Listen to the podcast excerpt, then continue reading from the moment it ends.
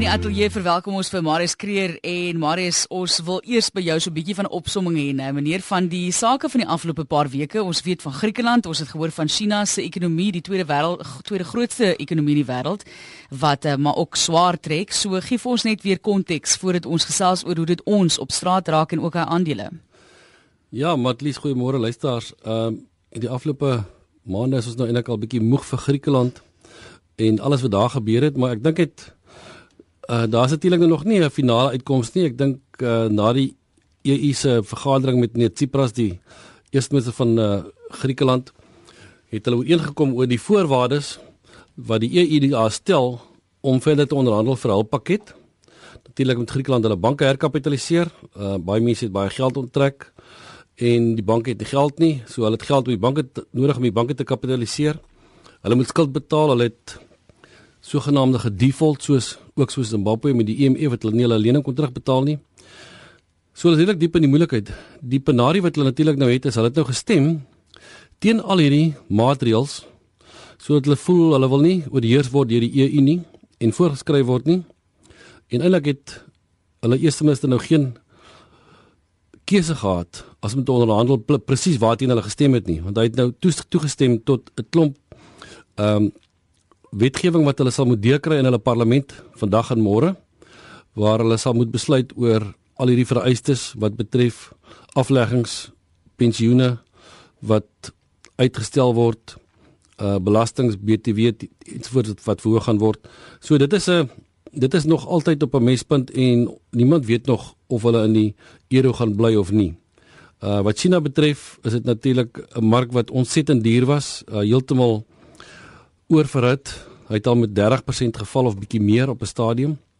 So dit het nou saam met Griekeland omtrent gelyk gebeur en natuurlik het dit nou die wêreldmarkte redelik geskit want daar was 'n klomp onsekerheid. En wanneer daar onsekerheid is, dan hardloop mense maar verskuiling. Nou wat staan beleggers te doen? Jy sê wanneer 'n mark iewes skielik plus minus 10% val. Ja, dis 'n uh, groot persentasie, né? Ons het natuurlik aan die ander kant van die tafel ons uh, adviseer beleggers en uh, mense wat aftree om hulle geld te belê op verskillende plekke. 'n Deel daarvan is aandele. Uh en aandele is maar gewoonlik indien so omstymige tyd gebeur soos nou, dan uh, verkoop mense aandele want hulle is gewoonlik bang vir aandele. En ehm um, dis nie altyd 'n rasionele besluit nie. Uh en ewe skielik as die mark 10% val, dan sien 'n mens nie die opswaai nie op daai stadium sien jy net een grafiek en dit is die onderste en ondertoe grafiek. En in 'n mens se kop is dit dan maklik om vir jouself 'n prentjie te skep maar sê maar as die mark nou 10% af is, is dit dalk oor 'n week 20 en oor nog 'n week 30% af.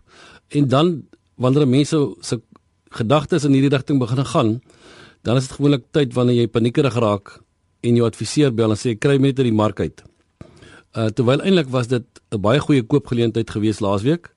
Ehm um, en mense wat nou beleggings saam saamstel of 'n portefeulje saamstel vir hulle het sy vir aftrede of vir groei. Uh kies gewoonlik dan verskillende tipes beleggings volgens hulle behoeftes. En as mense dit nie doen nie, dan het jy nogal 'n hoë vlak van stres in sulke tye. Want indien jy jou beleggings kies volgens jou behoeftes, gaan jy 'n korttermyn behoefte hê wat jy bevredig deur baie likwide en lae risiko bates tipies soos kontant geldmark, uh staatseffekte ensovoorts. Uh jou mediumtermyn wat tipies 'n 3 jaar tot 'n 5 jaar termyn horison net uh, behoeftes wat jy moet al voldoen is, gaan jy na 'n uh, bateklasse kyk wat meer aandele in het en groeibates soos eiendom ook en miskien 65% aandele en jy weet jy gaan nie aan daai geld raak vir 3 tot 5 jaar nie. En dan gaan jy ook 'n langtermyn portefeulje hê waar jy tipies aandele het. En die rede hoekom jy aandele kies is omdat jy sê maar Uh, as ek aandele vir 7 of 8 jaar hou, dan dan is my rede, my risiko redelik laag. So oor die kort termyn is daar risiko vir aandele. En daarom as die aandele gedeelte van jou portefeulje val met 10%, dan is dit nie tyd om weg te hardloop nie want jy het in die in die begin geweet daar gaan sulke tye kom. En ons was baie gelukkig dat ons 'n paar rooi ligte gesien aangaan het. Ek bedoel ons het geweet daar's 'n krisis in Griekeland. Ons het redelik goed geweet hulle kan nie hulle skuld betaal nie. En ons het ook geweet dat die Chinese mark is baie duur. So ons kon 'n bietjie taktiese skuwe in ons portefeuilles maak uh om kliënte te probeer beskerm, maar mense het nie altyd daai leksheid van waarskuwingstekens nie as daar 'n vliegtuig in 'n gebou vasvlieg of daar gaan 'n bom af iewers en die hele wêreld skrik, dan het 'n mens nie altyd hierdie waarskuwingstekens nie. Maar die proses beskerm jou nog altyd omdat jy van die begin af voorsiening gemaak het in jou beleggingsstrategie om sekere bates te kies wat hoë risiko bates is, maar omdat jy daai bates kies vir 'n langtermyn, maak jy jou risiko minder. Ek dink dis belangrik wat ek die boodskap wat ek vanoggend wil uitkry is indien jy 'n goeie proses het en jy het jou beleggings gedoen volgens jou behoeftes en jy het goed gediversifiseer in jou portefeulje, dan kan jy hierdie tyd maar net deursit en hoef jy nie nou paniekerig spronge te maak nie. Jy is baie welkom om vir ons vrae ook deur te stuur wat jy vir Marius kan vra. Ons dit baie waardeer, maar as ons nou kan vra, jy het gepraat van beskerming daarso en wat jy ook in plek gestel het, maar kan die portefeuljebestuurder mens wel tydens hierdie tye beskerm en op watter manier? Ja, ek dink as die portefeuljebestuurder vandag een of die beplanning goed gedoen het, seker gemaak het daar is korttermyn, mediumtermyn en langtermyn bates in jou portefeulje. Ehm um, dan het hy 'n proses in plek waar hy eintlik voorsiening gemaak het vir hierdie hierdie tye. Hy weet hy kan dit nie voorspel wanneer dit gaan gebeur nie, al wat hy weet dit gaan gebeur. Uh aandelebeurse gaan nie altyd op nie, daar's siklusse. Ons is in die tweede langste bilmark in die geskiedenis op die oomblik. So ehm um, mense moet weet iewers gaan dit gebeur en niemand is slim genoeg om altyd nou op die hoogtepunt te verkoop en op die laagtepunt te koop nie. Ons ken nie sulke fondsbestuurders nie. Ehm um, hulle bestaan nie en het nog nooit bestaan in die wêreld nie. So ehm um, mense moet besef, hy moet 'n portefeulje struktureer sodat hy hierdie tye kan deurstaan. En as jy dit dan gedoen het, dan moet jy die proses vertrou want die fondsbestuurder gaan in die in die proses taktiese skuwe maak. Ons sal nou ek sal nou 'n bietjie praat wat ons gedoen het, maar om jou te kan beskerm. So definitief kan 'n portefeuljebestuurder uh kan jou beskerm as jy beplanning goed gedoen het volgens jou behoeftes. Dis hier op RSG Marius Kreer van PSG wat so gesels. So jy's baie welkom om met ons te gesels. Nou jy praat van diversifisering. Is dit belangrik? Ja, ehm um, ons sê altyd bateklasse is nie gekorreleer met mekaar nie. Wat beteken wat dit beteken is wanneer aandele opgaan baie keer kom staatseffekte af. Wanneer staatseffekte op se prys opgaan kom aandelepryse af. So as jy daai verskillende tipes bates in jou portefeulje het. Ons byvoorbeeld laasweek gesien toe die aandelebeurs val, het eiendom ewe skielik sommer daai dag 2% gespring. So die feit dat jy verskillende tipes bates in jou portefeulje is wat nie gekorreleer is met mekaar nie, beteken dat indien die een val, gaan die ander een dalk op. Ons het byvoorbeeld in ons in ons kliënte se portefeulje plus minus 50% in die buiteland. Die oomblik toe dit gebeur het, toe die kom ons sê maar die bom gebars het dat almal sien maar goed, uh, Griekeland kan nie hulle skuld betaal nie. Toe sien ons die rand gaan van uh, 12.15 toe ewe skielik na 12.45 toe daai skuif in die in die uh, waarde van die rand, die verswakking, het dadelik vir ons kliënte 3% um voordeel omtrent gegee op daai gedeelte van sy portefeulje. So alhoewel jy nou op die aandelekant 'n bietjie seer gekry het, het jy voordeel getrek uit die verswakking van die rand. Want die goed, dis gewoonlik wat gebeur. As die aandelebeurs val, verkoop buiteland buitelanders ook aandele en daai geld gaan die land uit en die rand verswak en dan kry jy die voordeel. Die ander ding is um baie mense hou van eiendom, maar hou van uh residensiële eiendom. Ons sê ons koop eiendomme vir kliënte in die, die portefeulje in groot maatskappye, maatskappye wat winkelsentrums besit, uh wat ten volle verhuur is. Ons weet presies wat is die inkomste stroom daar uit. En met tyd gaan daai rente en huur gaan op. So oor 'n lang termyn is dit 'n baie goeie bateklas in 'n om vir al 'n afgetrede persoon se portefeulje in te sit. Ehm um, Die eiendom het ons in 'n groot mate ook beskerming gegee. So die diversifikasie in jou portefeulje is ook 'n meganisme wat jy gaan gebruik om jou onsekerhede te kan beskerm. As ons gou gou vinnig kan terugkom na die makro perspektief af voordat ons verder gaan. Daar is artikels geskryf oor die feit oor die agtergrond die pad wat Griekeland geloop het en daar's baie mense wat gesê Suid-Afrika is op presies dieselfde pad. Wat is jou siening daarvan en hoe gaan dit ons beïnvloed as jy nou wil begin skrikkerig raak oor Suid-Afrika se finansiële toekoms of ekonomiese toekoms? Wat moet jy dan doen met jou finansies? Goed, ek dink uh, die feit dat ek net al gesê het ons het tans van ons kliënte se geld 50% in die buiteland uh beteken eintlik ons het reeds begine voorsiening gemaak, voorsiening maak dat dit swakker gaan in Suid-Afrika. Ons het reeds 'n paar afgraderings gekry. Uh, ons is twee weg van die sogenaamde junk bonds.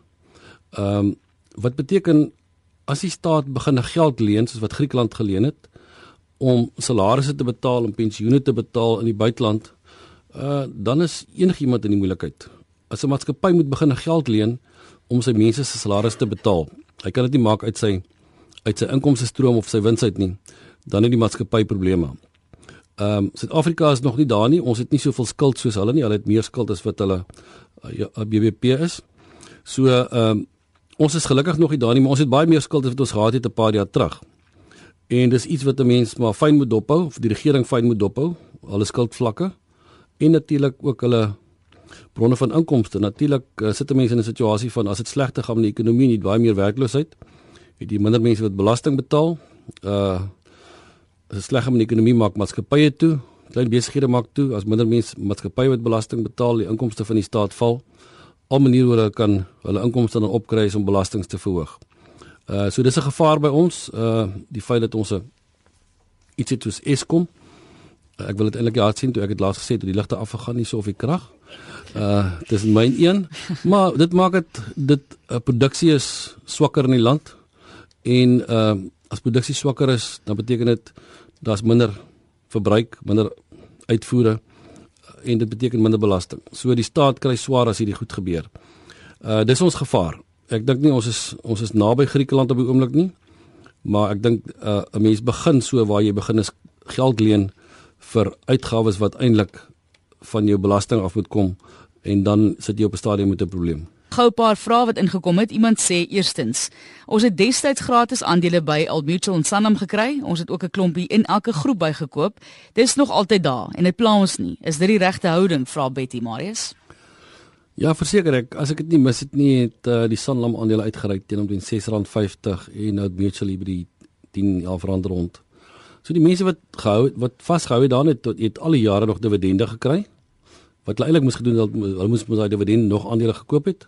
Dit was nie noodwendig die beste aandeel om te hou die afgelope 10 jaar nie. Maar die feit dat daai persoon vasgehou het daaraan het nou sy waarde soveel verhoog. Hy kon nooit daai waarde se groei in 'n bank gekry het of in 'n rentebelegging, vaste belegging of in 'n geldmark nie. So dit wys my net vir jou wat doen aandele oor die lang termyn as jy 'n goeie maatskappy koop of jy het aandele in 'n goeie maatskappy. Ehm um, ten spyte van die feit dat al twee die maatskappye se aandelepryse op 'n stadium baie geval het. Mutual Sun het in 2007, ek dink nie na R4 iets toegeval. Uh van R26 af op daai stadium dink ek. So en die aandeel het weer herstel. So mense wat aandele het vir dit lanktermyn hou, is 'n baie goeie belegging. Is daar 'n korttermynbelegging wat jou gas kan aanbeveel vir 'n hoë return soos 'n 6 maande plan? Hoë risiko is nie 'n probleem nie. Dis lekker as mense dit kan sê. Ek dink uh al wat ek daar kan voorstel, ou moet maar na 'n casino toe gaan. Dis al korttermyn ding want nee, ek maak net 'n grap. Ons ons ons doen regtig nie, ons is nie spekulante nie. So ons koop en verkoop nie aandele oor die korttermyn en dink ons kan nou iets koop en binne binne 6 maande 10 of 15% maak. Daar is maatskappye wat wat sulke opbrengste gee. Maar baie min mense weet voor die tyd wat presies gaan gebeur. So uh, as 'n mens met aandele te doen het, dink ek jy moet 'n siening neem van 5 jaar of langer. Uh as jy oor die korttermyn slim probeer wees, jy gaan sukses hê, maar jy gaan ook oor die lang ek dink oor die kort termyn gaan jy meer uh keer val met jou keuse om keuses te maak van van kort termyn wins en vinnig wins maak. Ehm uh, dit is maar net jy is 'n spekulant as jy dit doen. Dan moet jy maar weet jy gaan baie risiko vat en baie keer seer kry. Marina Miller wat ook vir ons gesê het, jy weet sy het, het nou belegging by sekere plekke Allen Gray Investec byvoorbeeld, het sy gesê my geld belê. Ek weet nou jy moet nou maar vir my sê of of dit die regte besluit is, moet ek dit maar net los voel jy maar dieselfde daaroor? Kyk daar by die die twee maatskappye het verskillende fondse. Uh weens is dit nogal moeilik om te sê ek weet nie wat is haar behoefte nie, wat is haar langtermynstrategie en ek weet nie in watter fonds sy kan in 'n geldmarkfonds wees, sy kan in 'n aandelefonds, sy kan in 'n buitelandse fonds wees. Dit is groot verskillende tipe beleggingsstrategieë en beleggingsrisiko's wat wat wat ek van praat. So as sy vir my e-pos wil stuur, kan sy vir my sê wat sy het en wat is haar behoefte en wat is haar langtermyndoelwit en ek kan vir haar sê of dit inpas daarbey. En dan sê iemand op die SMS lyn, ek wil 10000 rand vir my kleinkind belê. Kan u my so 'n bietjie rigting gee asseblief? Dankie, dit kom van Helen. En dit is nou juist ook die rigting wat ons inslaan vir jong mense, ouens. Jy seker baie navraag van mense wat sê my kind betree het hy die werk gekry, hoe moet hy nou spaar ja. vir die toekoms? Ehm um, ek is in die bevoordeelde posisie dat ek al kleinkinders het. Ehm um, wat ek vir my kleinkinders doen, ek koop vir hulle so 2 of 3 aandele, ek vat ook 'n lompsom. Uh en ek koop so 2 of 3 aandele wat ek dink wat oor 10 of oor 15 of 20 jaar baie goed gaan doen en ek los dit daarin. Ehm um, jong mense moet aandele koop. Dis waar hulle die meeste opbrengs gaan kry oor die lang termyn.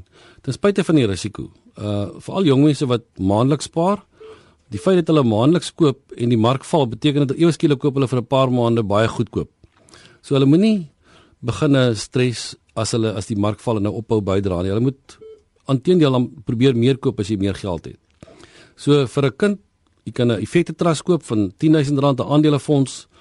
Ehm um, en jy kan daai fonds net los in 'n maatskappy wat hom goed bestuur vir die volgende 15 of 16 of 18 jaar tot die kind universiteit toe moet gaan as dit die doel is van die geld.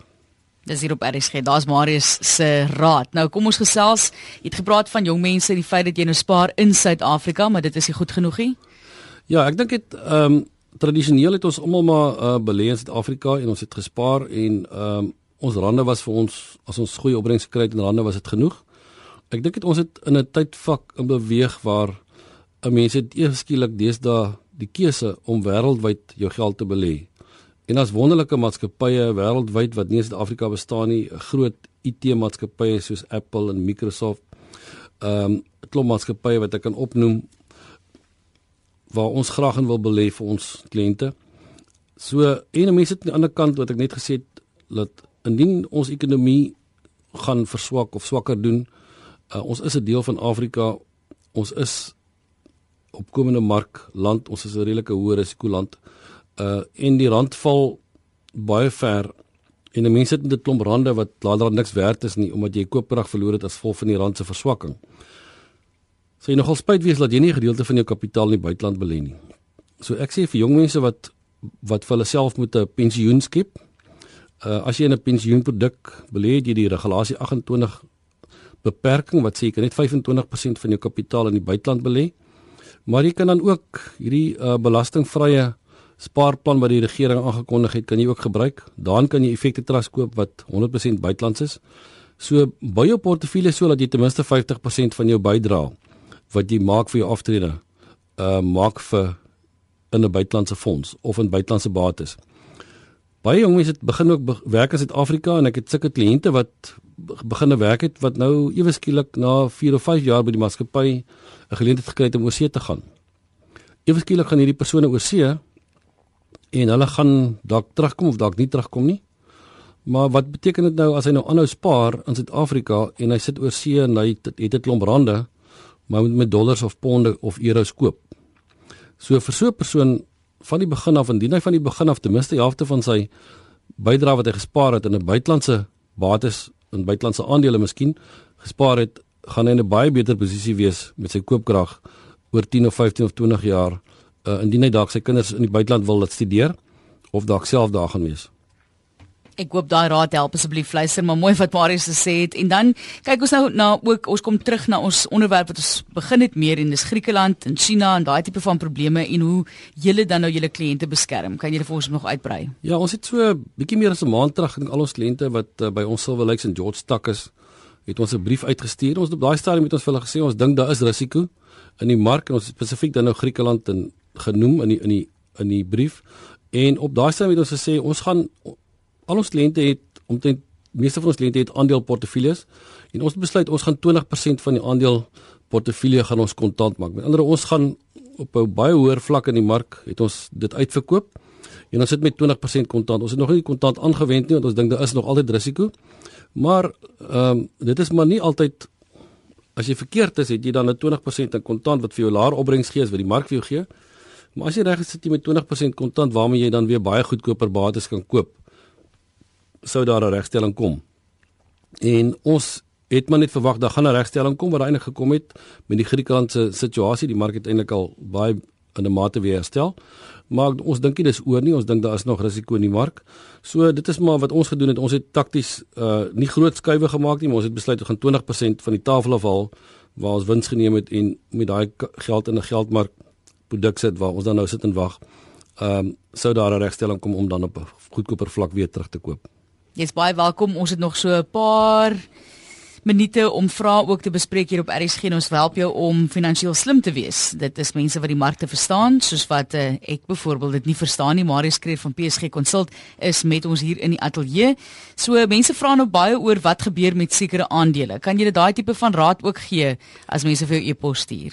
Uh, ek kan probeer, maar at least uh ons ons bestuur aandele portefeuilles. Ons koop nie alle aandele nie. Ons het 'n spesifieke model waar volgens ons aandele koop, sekere waar ons seker ten sekere vlakke bereid is om te koop en sekere vlakke nie.